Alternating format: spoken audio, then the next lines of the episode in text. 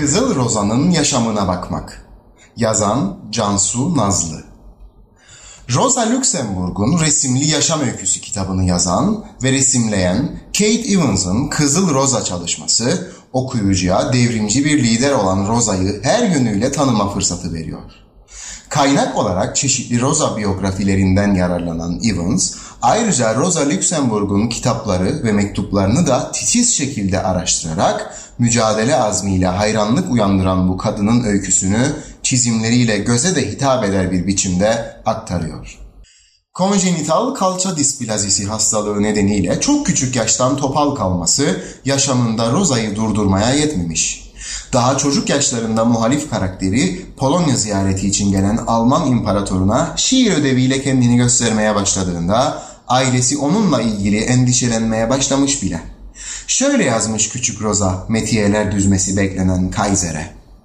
İşte görüyoruz sonunda batının en güçlü adamı. Sanki sana hürmetlerimi sunacakmışım gibi davranma ama. Hiç umurumda değil senin gibilerden övgü almak zira.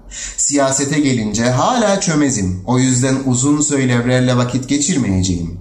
Ama unutmaman gereken bir şey var sevgili Wilhelm. Söyle o sürüngen kurbağa von Bismarck'a barışın ırzına geçip utandırmasın onları.''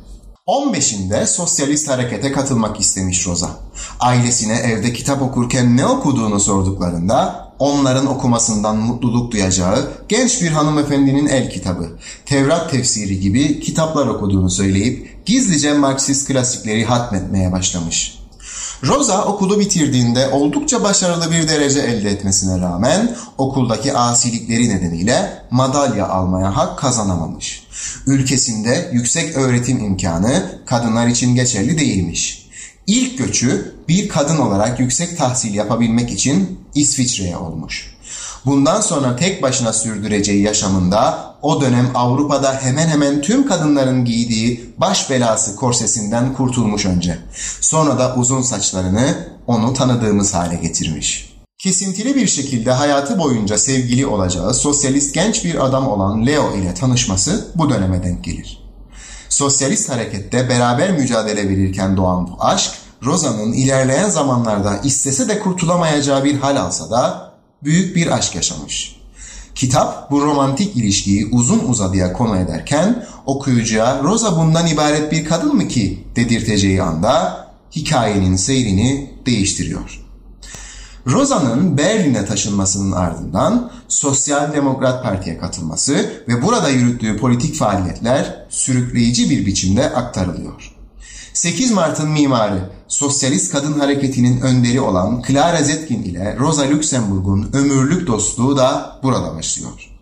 Rosa kavgasında kadın özgürleşmesi mücadelesini hep öteleyerek Clara'ya bu alana gereğinden fazla efor sarf ettiğiyle ilgili telkinlerde bulunsa da editörlüğünü yaptığı parti gazetesinden sansür gördüğünde Rosa'nın yazılarına Clara'nın çıkardığı Emekçi Kadın gazetesi sayfalarını açıyor. Bir yandan parti gazetesinin editörlüğünü yapan Rosa, öte yandan parti okulundaki eğitmenlik yapan tek kadın oluyor.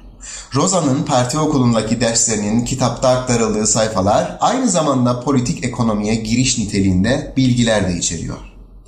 Rosa'nın kafasını dağıtmak için resim yaptığını, doğa yürüyüşlerine çıktığını ve piyano çaldığını öğrenmek de kitabın sürprizi oluyor.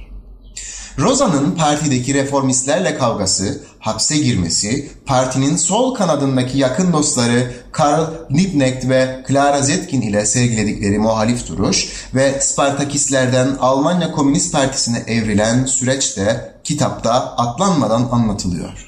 Liebknecht'in Lüksemburg ile vahşi şekilde katledilişinin kitapta gerek görsel gerekse yazılı anlatımı ise hiçbir ajitasyon içermeden çarpıcı ve incelikli olarak yapılıyor.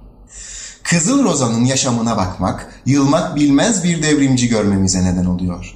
Yaşadığı dönemde kadın olmasının bugünden çok daha zor engeller önüne koymasına rağmen nasıl önderleştiğine bakmak, sosyalist kadınlara daha aktif rol almaları konusunda motivasyon yaratacak nitelik taşıyor. Kızıl Roza da gitti. Yattığı yer gözlerden uzakta. Gerçeği söylediği için yoksullara kovdu onu dünyadan zenginler.